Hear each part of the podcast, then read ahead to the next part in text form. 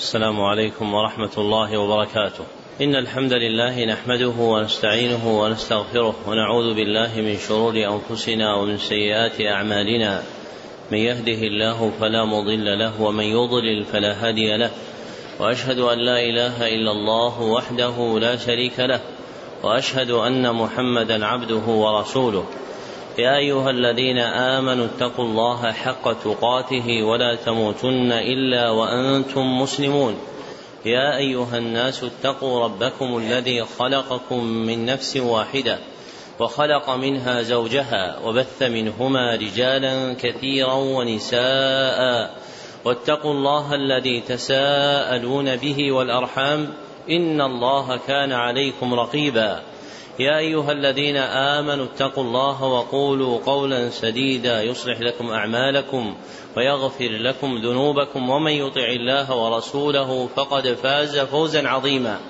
أما بعد فإن أصدق الحديث كلام الله وأحسن الهدي هدي محمد صلى الله عليه وسلم وشر الأمور محدثاتها وكل محدثة بدعة وكل بدعة ضلالة. وبعد أيها المؤمنون قد سبق القول بأن علم التفسير علم جليل القدر عظيم الخطر وأنه كسائر العلوم له جادة توصل إليه وطريق من أخذ بها أفضت به إلى معارفه وعلومه ومن حاد عنها أرهق نفسه في تعب كثير مع فائدة قليلة ولم يزل شذاة العلم يدركون ذلك ويوقنون به.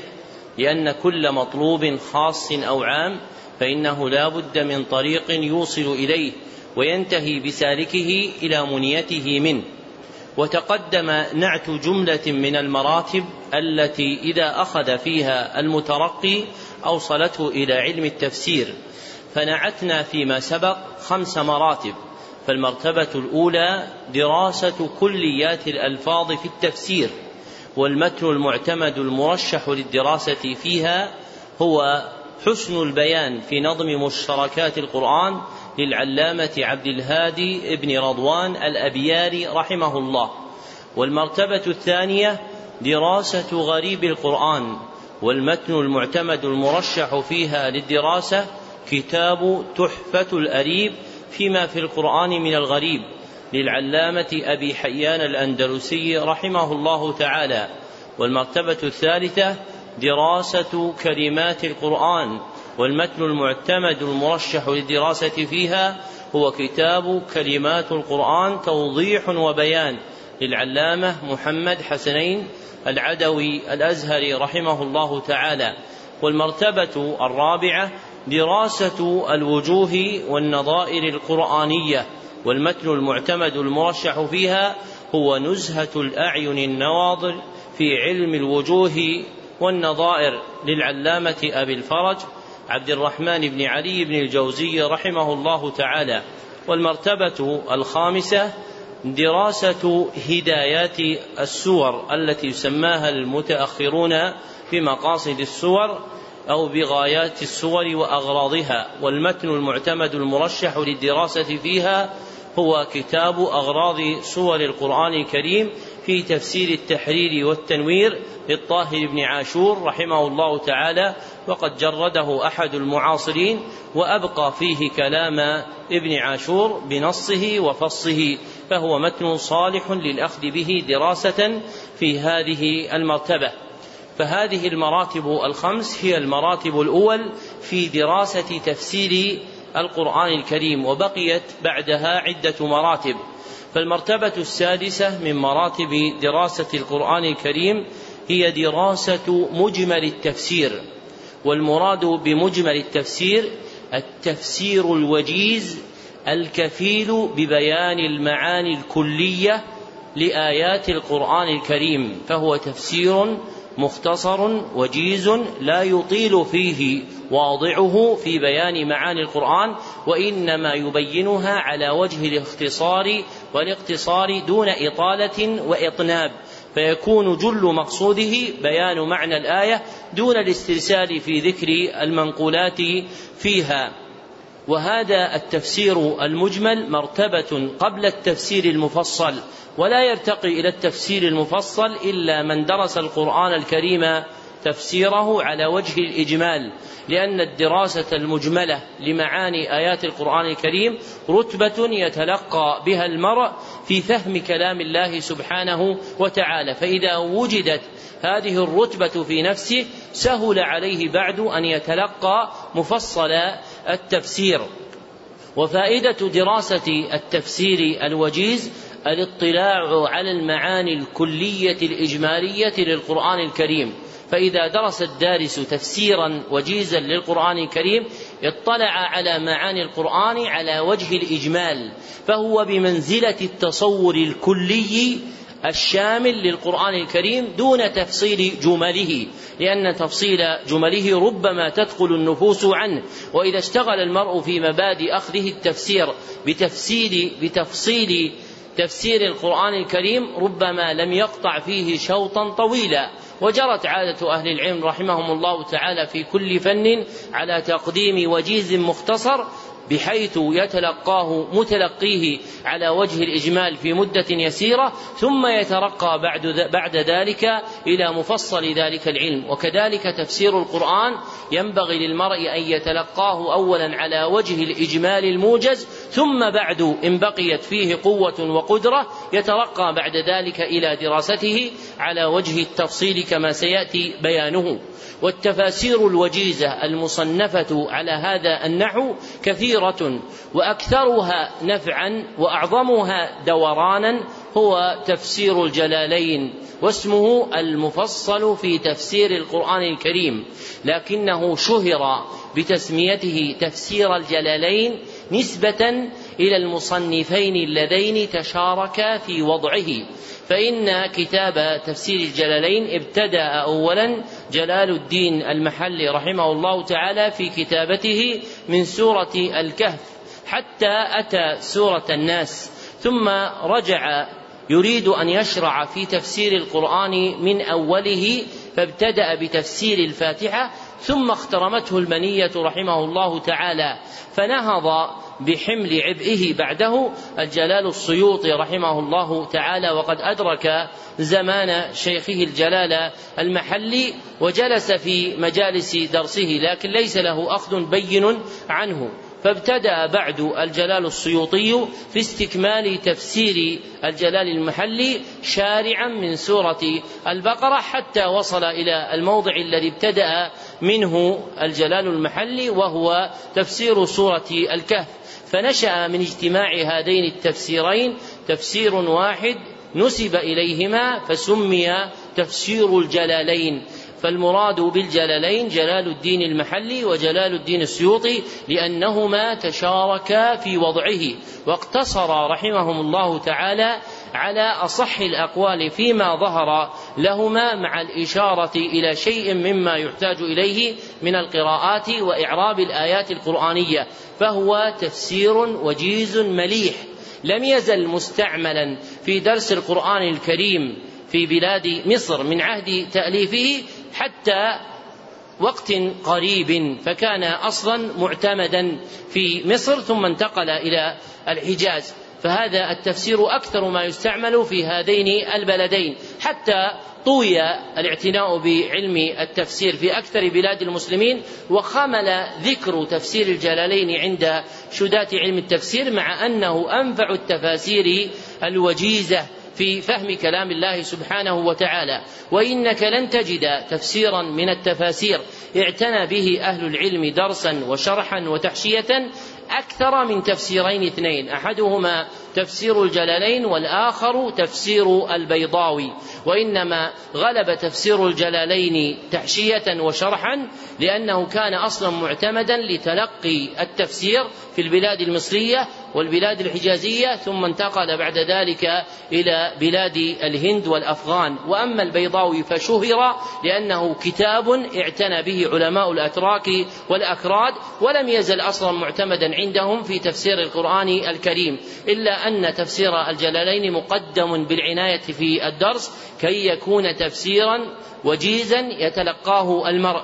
وأعظم ما ينتفع الإنسان معه بحاشيتين اثنتين إحداهما حاشية الجمل والأخرى حاشية الصاوي فهاتان الحاشيتان نافعتان في استصحابهما عند دراسة هذا التفسير عند أحد علماء التفسير. أما المرتبة السابعة فهي دراسة تصريف القرآن وليس المراد بالتصريف ما ينسب إلى علم النحو من أبنية الأفعال والأسماء وإنما يراد بذلك ما ذكره الله عز وجل في قوله ولقد صرفنا في هذا القرآن ليدبروا وقال ولقد صرفنا في هذا القرآن من كل مثل في آي أخر أشار الله سبحانه وتعالى فيها إلى التصريف في القرآن وهو الذي سماه المتأخرون بمتشابه القرآن وهذه التسمية لا تناسب الوضع الشرعي لمعنى التصريف. وهم في بناء هذا العلم تارة يخلطونه بأشياء أخرى لا مدخل لها في علم تصريف القرآن. وعلم تصريف القرآن مرجعه إلى ملاحظة كيفية تصرف الرب سبحانه وتعالى في آياته. فتارة قال الله سبحانه وتعالى وقالوا لن تمسنا النار إلا أياما معدودات. وتارة أخرى قال وقالوا لن تمسنا النار إلا أياما معدودة. وتارة جاء في دعاء إبراهيم رب اجعل هذا بلدا آمنا. وتارة رب اجعل هذا البلد آمنا. في نظائر أخرى بالزيادة والنقص والإدراج والحذف والتقديم والتأخير فهؤلاء المثل هن المندرجات في مسمى تصريف القرآن الذي سماه المتأخرون بمتشابه القرآن وهذا المعنى الذي جعلوا له هذا اللقب معنى واسع. تدخل فيه أنواع شتى لكن اللقب الذي يخلص على المعنى المراد شرعا هو تصريف القرآن الكريم. فمن أراد أن يدرس تفسير القرآن الكريم فلا بد له أن يدرس تصريف فمن أراد أن يدرس تفسير القرآن الكريم فلا بد له أن يدرس تصريف القرآن الكريم الذي سماه المتأخرون متشابه القرآن وصنفوا فيه تصانيف متعددة. والمتن المعتمد أصلا في درايته هو كشف المعاني في متشابه المثاني.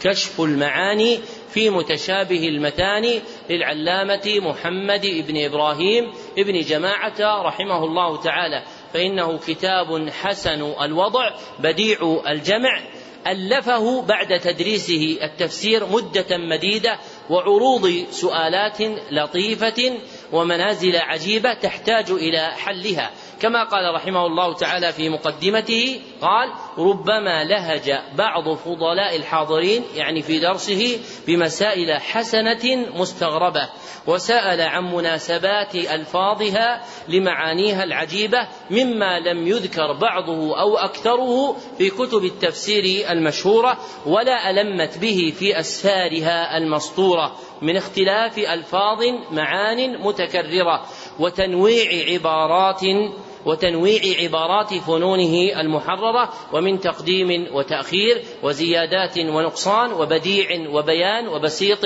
واختصار وتعويض حروف بحروف أغيار. انتهى كلامه.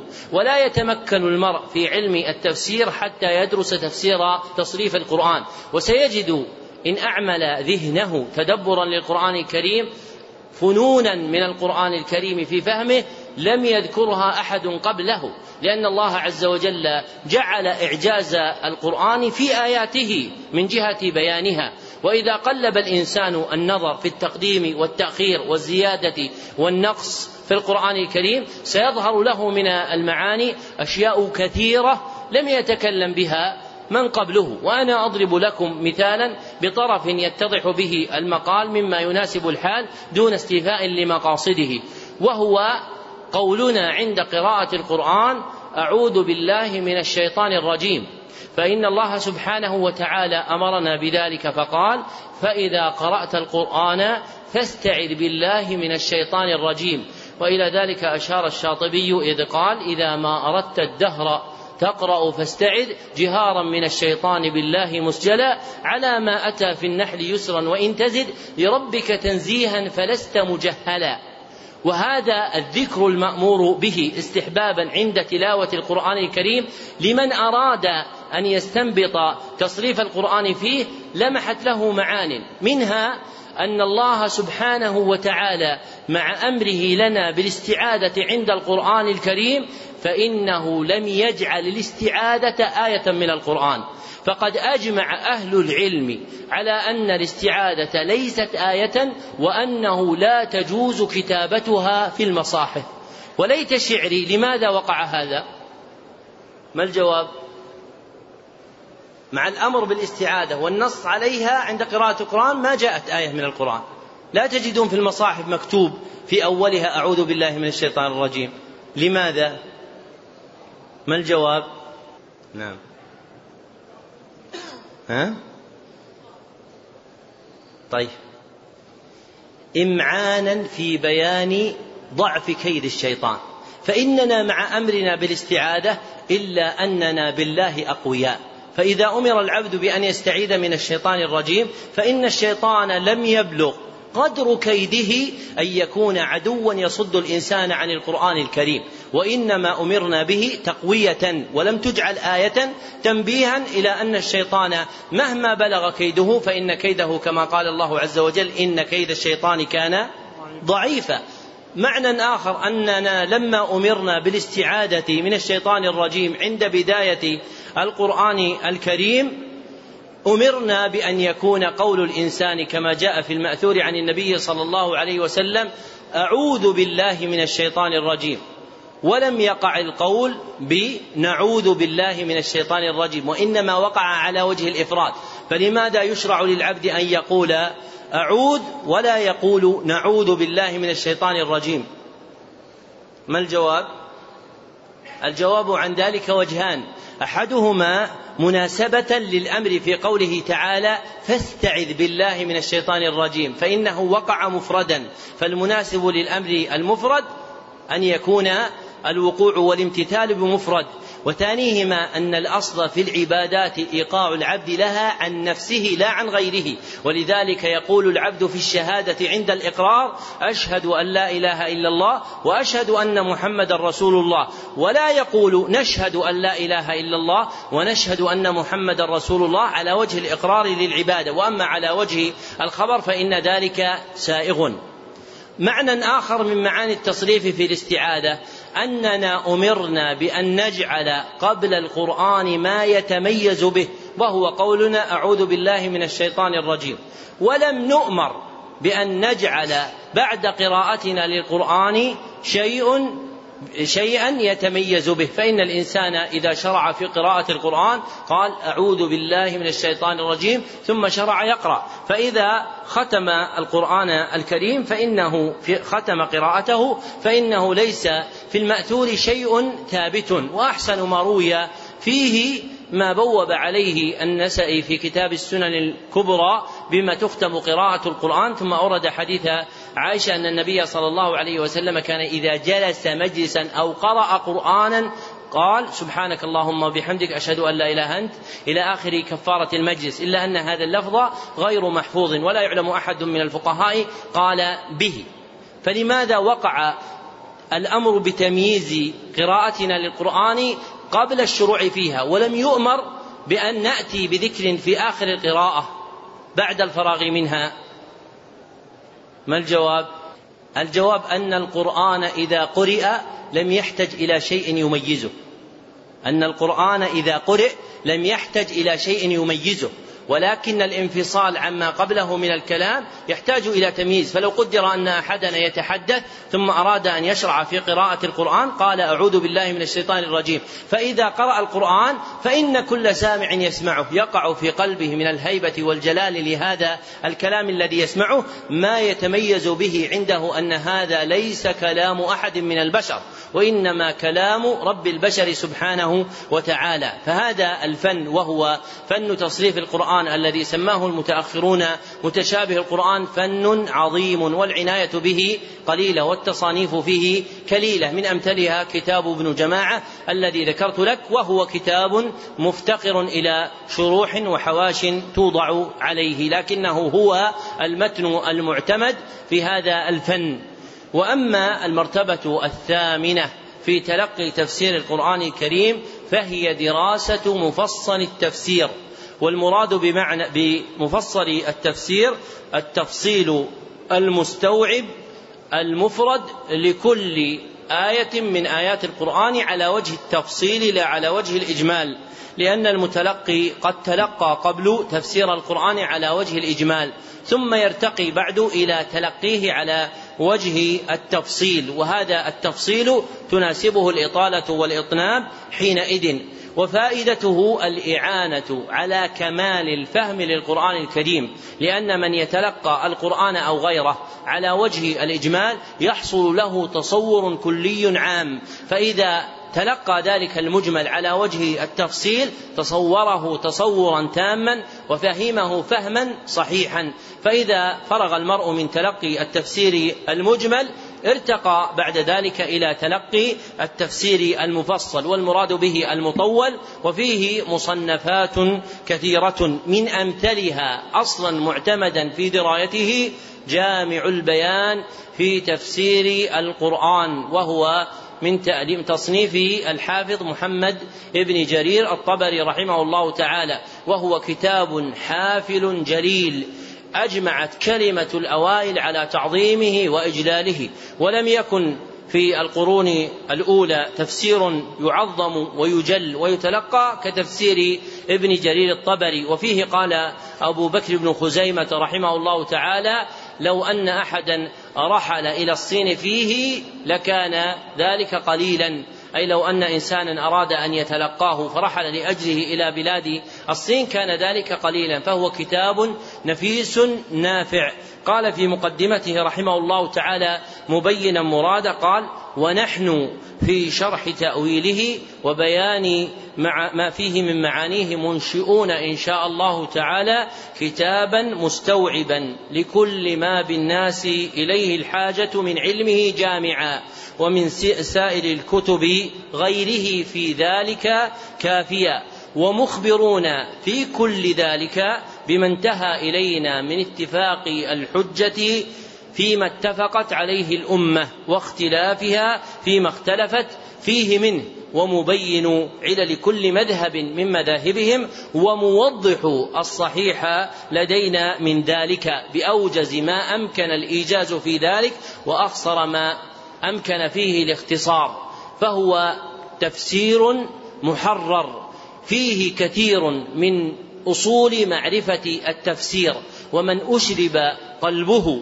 تفسير ابن جرير الطبري استفاد في علوم كثيرة ولا سيما علم كلام العرب في قواعد فقه اللغة فإنه يذكر شيئا من ذلك يشير إليه بقوله ومن سنن العرب في كلامهم وهذا قل وجدان نظيره في كتب التفاسير الأخرى كما أنه كتاب حافل بتفاسير السلف رحمهم الله تعالى مع الترجيح وبيان الصحيح وتزييف ما ليس بصحيح فهو تفسير عظيم جليل. لا ينبغي أن تقعد همة المرء عن قراءته وتكرار النظر فيه. وما جل تفسير ابن كثير عند المتأخرين إلا لأنه في الحقيقة اختصار لتفسير ابن جرير. فإن ابن كثير رحمه الله تعالى عمد إلى تفسير ابن جرير فلخصه مع زيادات حسنة وتعقبات مليحة على كلام ابن جرير رحمه الله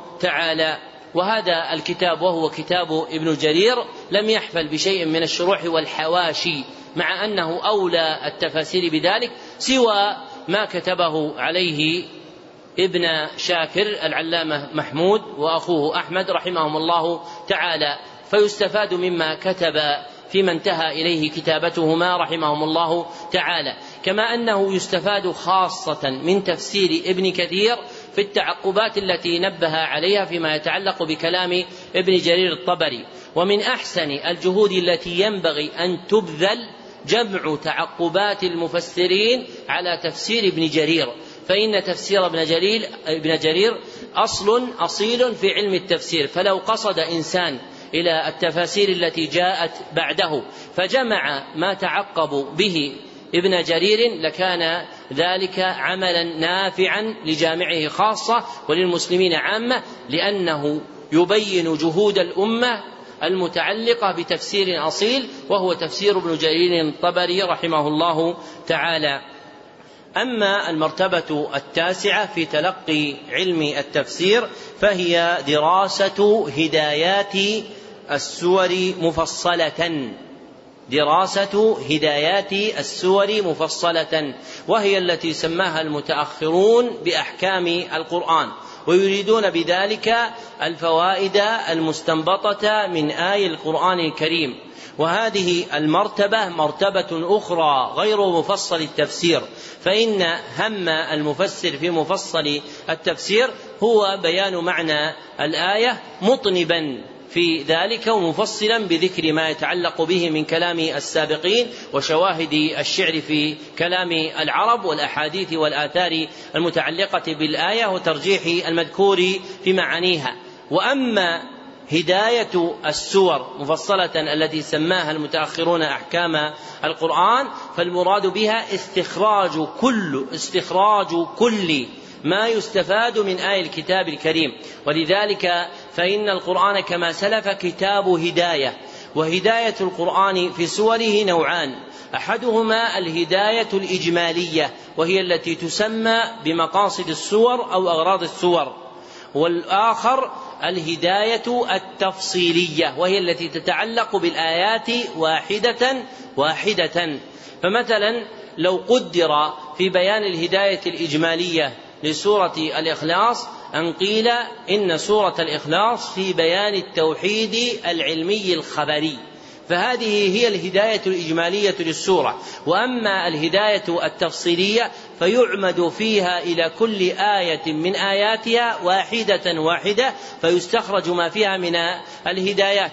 فيقال مثلا فيها تسمية الله عز وجل باسم الله وفيها تسميته سبحانه وتعالى باسم الأحد ووقع منكرا وجيء به معرفا في السنة النبوية وفيها إثبات صفة الألوهية له وفيها إثبات صفة الوحدانية له. إلى غير ذلك من المعاني التي تستنبط من السورة. وهذه المعاني هي هدايات القرآن الكريم. ولو أن المرأة إذا قرأ القرآن الكريم جعل نصب عينيه استخراج هدايات القرآن لتفجرت له ينابيع الفهم في القرآن. وربما درس الإنسان علم التفسير في كتاب كامل ثم لم يلحظ هذا الأصل. كما ذكر عبد الحميد بن باديس رحمه الله تعالى أنه درس في الزيتونة كتاب تفسير البيضاوي ثم تخرج ولم يلح له أن القرآن كتاب هداية حتى رجع إليه مرة أخرى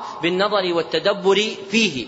وكثير من المشتغلين بالتفسير يحجبون عن هدايات القرآن الكريم بكلام المفسرين. ومن أراد أن يفهم هدايات القرآن الكريم في آياته فإنه يجرد النظر لنفسه بعد اكتمال الآلة. فيجرد النظر في آيات الله سبحانه وتعالى في كتابه وسيقف على معان بديعة إما بفهمه أو بما يجمعه من كلام أهل العلم في ذلك.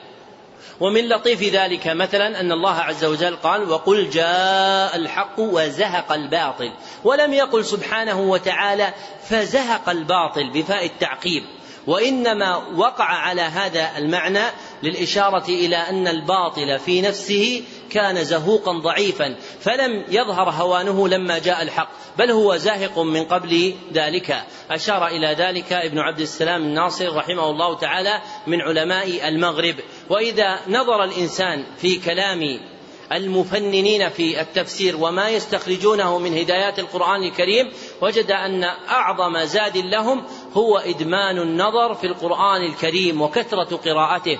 وقد روى ابن أبي حاتم في مقدمة الجرح والتعديل عن عبد الله بن وهب المصري قال كنا نعجب من نزع مالك من القرآن. فسألنا أخته فقالت أما إنه إذا دخل البيت لم يكن له شغل إلا قراءة القرآن الكريم. فإذا قرأ الإنسان القرآن الكريم على هذه النية وهي استخراج الهدايات من القرآن الكريم فسيقع له كثير من الفهم في كلام الله سبحانه وتعالى. والمتن المعتمد أصلا في دراية هداية القرآن الكريم هو كتاب الجامع في أحكام القرآن للعلامة أبي عبد الله محمد بن أحمد القرطبي. وهو كتاب عظيم بديع من أحسن ما صنفه الناس في أحكام القرآن الكريم. وعماد هذا التفسير على تفسيرين هما المحرر الوجيز لابن عطية وأحكام القرآن لأبي بكر ابن العربي رحمهم الله تعالى. فأخذ هذين التفسيرين وزادهما بيانا وأكثر من استنباط الأحكام حتى صار كتابه من أحسن كتب أحكام القرآن المتداولة. وقد شرع العلامة محمد بن عثيمين رحمه الله تعالى في إملاء شيء من هذا فأملى شيئا كثيرا من أحكام القرآن طبع في ثلاثة مجلدات وانتهى إلى أثناء سورة البقرة. ولغيره من العلماء كذلك جهود لكنها مبتورة لم تكتمل في القرآن الكريم. وهو أولى الأنواع في التفسير بالعناية لأنه غاية علم التفسير. فإن غاية علم التفسير ليست معرفة معانيه فقط وإنما النظر فيما تؤول به الآيات من المعاني. وهذا هو معنى التدبر. فإن الله سبحانه وتعالى قال أفلا يتدبرون القرآن أم على قلوب أقفالها؟ وقال أفلا يتدبرون القرآن ولو كان من عند غير الله لوجدوا فيه اختلافا كثيرا. وليس المراد بالتدبر معرفة المعاني ولا الكلام فيه بالخواطر وما يقع في النفوس كلا. وإنما التدبر هو نظر القلب في القرآن للوصول إلى مقاصد الآية هو نظر القلب في القرآن للوصول إلى مقاصد الآية لأن التدبر مأخوذ من الدبر وهو آخر الشيء. فينظر الإنسان في الآية ليستنبط ما فيها من الأحكام والمعاني. وهذه مرتبة رفيعة. لا يصل إليها أي أحد وإنما يصل إليها من كانت له مكنة في علم التفسير أولا ثم إدمان للنظر في القرآن الكريم ثانيا. مع شدة صلة به كما سيأتي بيانه في موضع آخر. ولكن المقصود هنا هو الإشادة بالعناية بهدايات القرآن الكريم وأنه ينبغي للإنسان إذا قرأ آية أن ينظر ما فيها من الهدايات. ومن رمق ما تكلم به الأولون رأى من ذلك عجبا.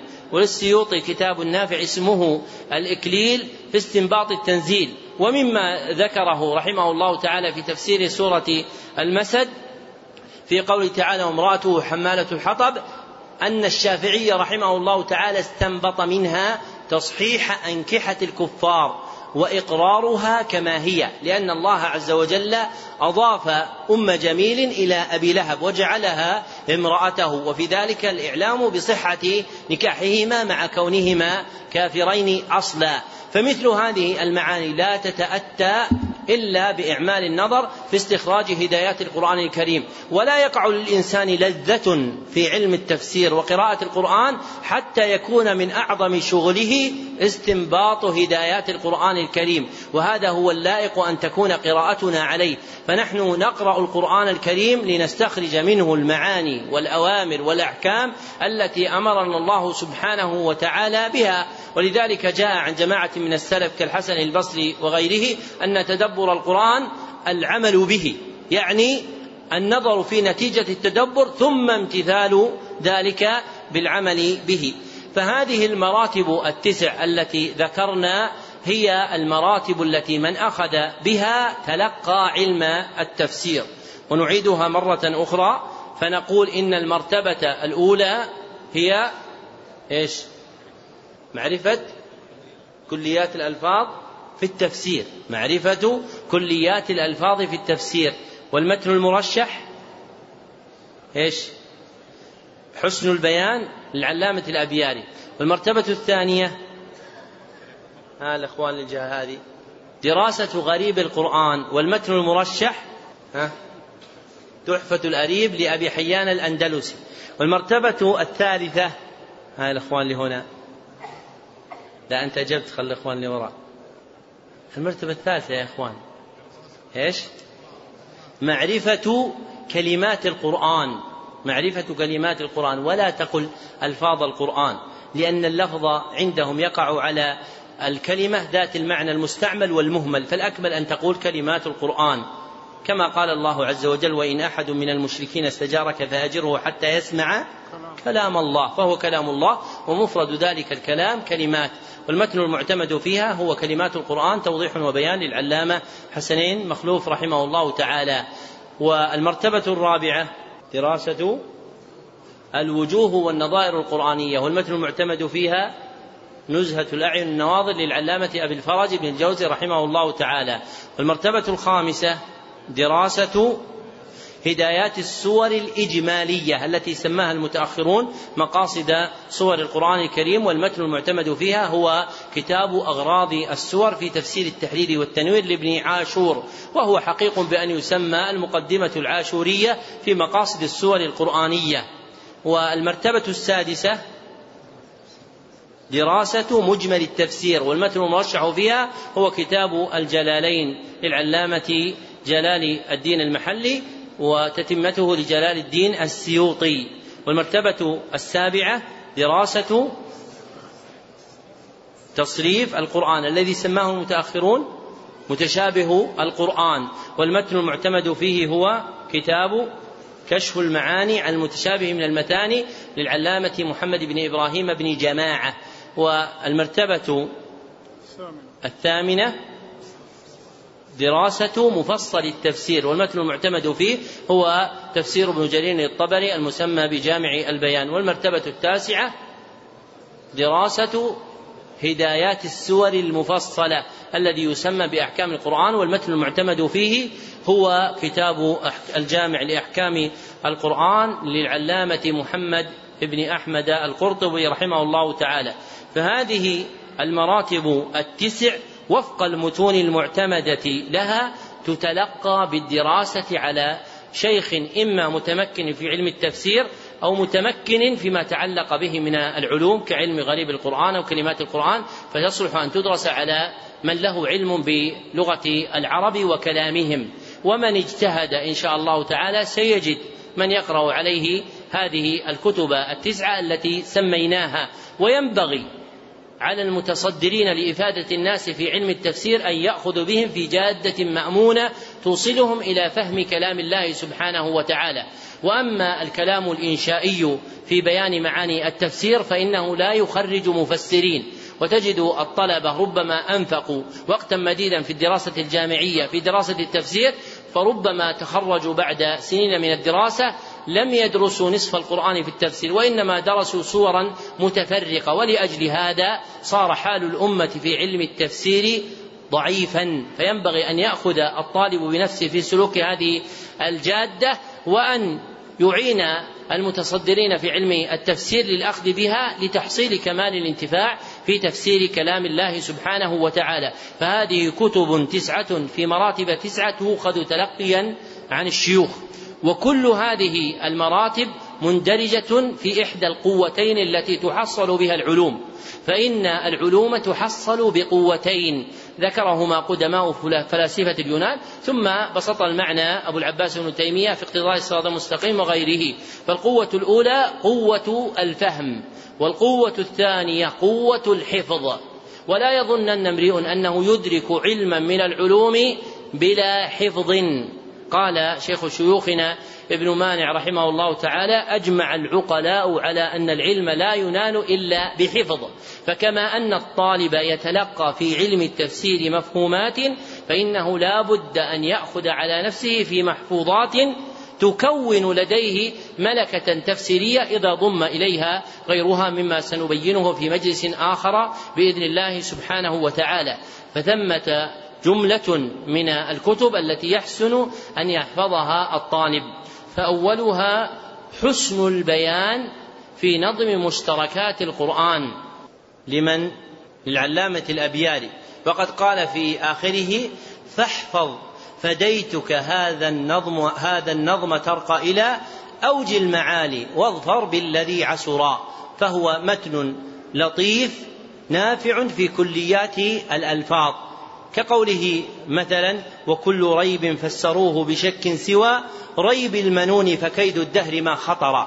فتستفيد من هذه الآية تستفيد من هذه الكلية أن كل ريب فسر بالشك إلا في ريب المنون. في قوله تعالى أم يقولون شاعر نتربص به؟ ريب المنون. ففسر بكيد الدهر يعني بتصريفه وأحواله وفسر أيضا بالموت. فحفظ هذه المنظومة وهي في بضعة وستين بيتا يكون لدى المتلقي ملكة تفسيرية في فهم كثير من كتاب الله سبحانه وتعالى. وأما المحفوظ الثاني فهو البيان لما خفي معناه من القرآن. البيان لما خفي معناه من القرآن. والذي يخفى معناه من القرآن هو الذي يسمى بالغريب الذي يسمى بالغريب. وتقدم ذكر المتن المعتمد فيه وأنه كتاب تحفة الأريب للعلامة أبي حيان الغرناطي رحمه الله تعالى. إلا أن هذا الكتاب مع جلالته وإمامة مصنفه جعله على الأصول اللغوية.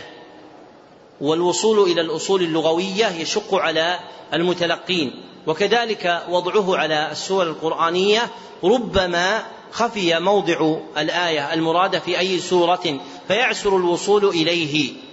فعمدت إليه فرتبته على الأحرف الأبجدية الأبتتية باعتبار الكلمة دون النظر إلى أصلها.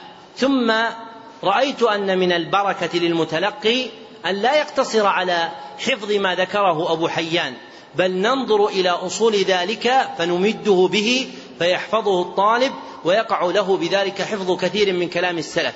فمثلا أول كلمة فيه آتوا قال أعطوا. وتفسير هذه الكلمة موجود قبل أبي حيان بعدة قرون فإنها رويت عن ابن عباس رضي الله عنهما فيما رواه عبد الرزاق في تفسيره وابن أبي حاتم في تفسيره. فالأكمل والأكثر بركة للعبد أن يحفظها كلمة لابن عباس رضي الله عنهما. وإذا اضطرد هذا فيما خفي معانيه من القرآن الكريم مما ذكره أبو حيان الأندلسي فإنه يحصل للمتلقي فائدة زائدة عن حفظ معاني الغريب. فهو يحفظ معاني الغريب ويحفظ القائلين بتفسيرها من القدماء من الصحابة والتابعين. وهو عظيم النفع وهو الذي ينبغي أن يعتنى به في علم التفسير. فإذا رأيت كلاما من كلام المفسرين فابحث عن أصله لأن معرفة أصول العلوم يسهل تصورها. فتجد هذا التفسير في كلام ابن عباس أو في كلام ابن مسعود أو في كلام من بعدهم من التابعين أو أتباع التابعين ولا ريب أن علوم السلف أكثر بركة وأقرب للصواب من علوم المتأخرين. وأما المتن الثالث فهو إمداد المستشير بأصول الأحاديث في التفسير. إمداد المستشير بأصول الأحاديث في التفسير. وهو نظير كتاب بلوغ المرام للحافظ ابن حجر في الأحكام. فإن الآيات القرآنية مفتقرة إلى الأحاديث النبوية المتعلقة بها. فمثلا في تفسير سورة الفاتحة عن عدي بن حاتم رضي الله عنه أن النبي صلى الله عليه وسلم قال اليهود مغضوب عليهم والنصارى ضلال. فإن هذا الحديث رواه الترمذي وهو أصل في تفسير آخر آية من سورة الفاتحة. فلا يحسن بطالب العلم ألا يحفظ أحاديث النبي صلى الله عليه وسلم في التفسير. ومثل حديث أبي سعيد الخدري رضي الله عنه عند أحمد. الذي ذكرته لكم كل حرف يذكر كل حرف في القرآن يذكر فيه القنوت فهو الطاعة. رواه أحمد وصححه ابن حبان. فمثل هذه الأحاديث كيف يكون الإنسان مفسرا وهو لا يحفظ الأحاديث النبوية المتعلقة بعلم التفسير على وجه الخصوص؟ لأن سنة النبي صلى الله عليه وسلم كلها بيان للقرآن وقد جمع السيوطي رحمه الله تعالى كتاب الدر المنثور فأدخل فيه كل حديث ولو من وجه بعيد يتعلق بالآية. وليس هذا هو المراد الأعظم في أحاديث التفسير وإنما المراد الأعظم في أحاديث التفسير ذكر ما تعلق بالآية على وجه الخصوص وهذا الكتاب كنظيره السابق عسى أن يخرج هذه السنة في عالم المطبوعات. وأما المتن الرابع فهو ألفية ابن العالم الورجلاني الأدراري الجزائري المتوفى سنة ألف ومائتين وعشرين. وهذه الألفية أحسن الألفيات المصنفة في ما يتعلق بتفسير القرآن الكريم لأن الغالب على المصنفين في تفسير القرآن الكريم نظما اعتناؤهم بالغريب.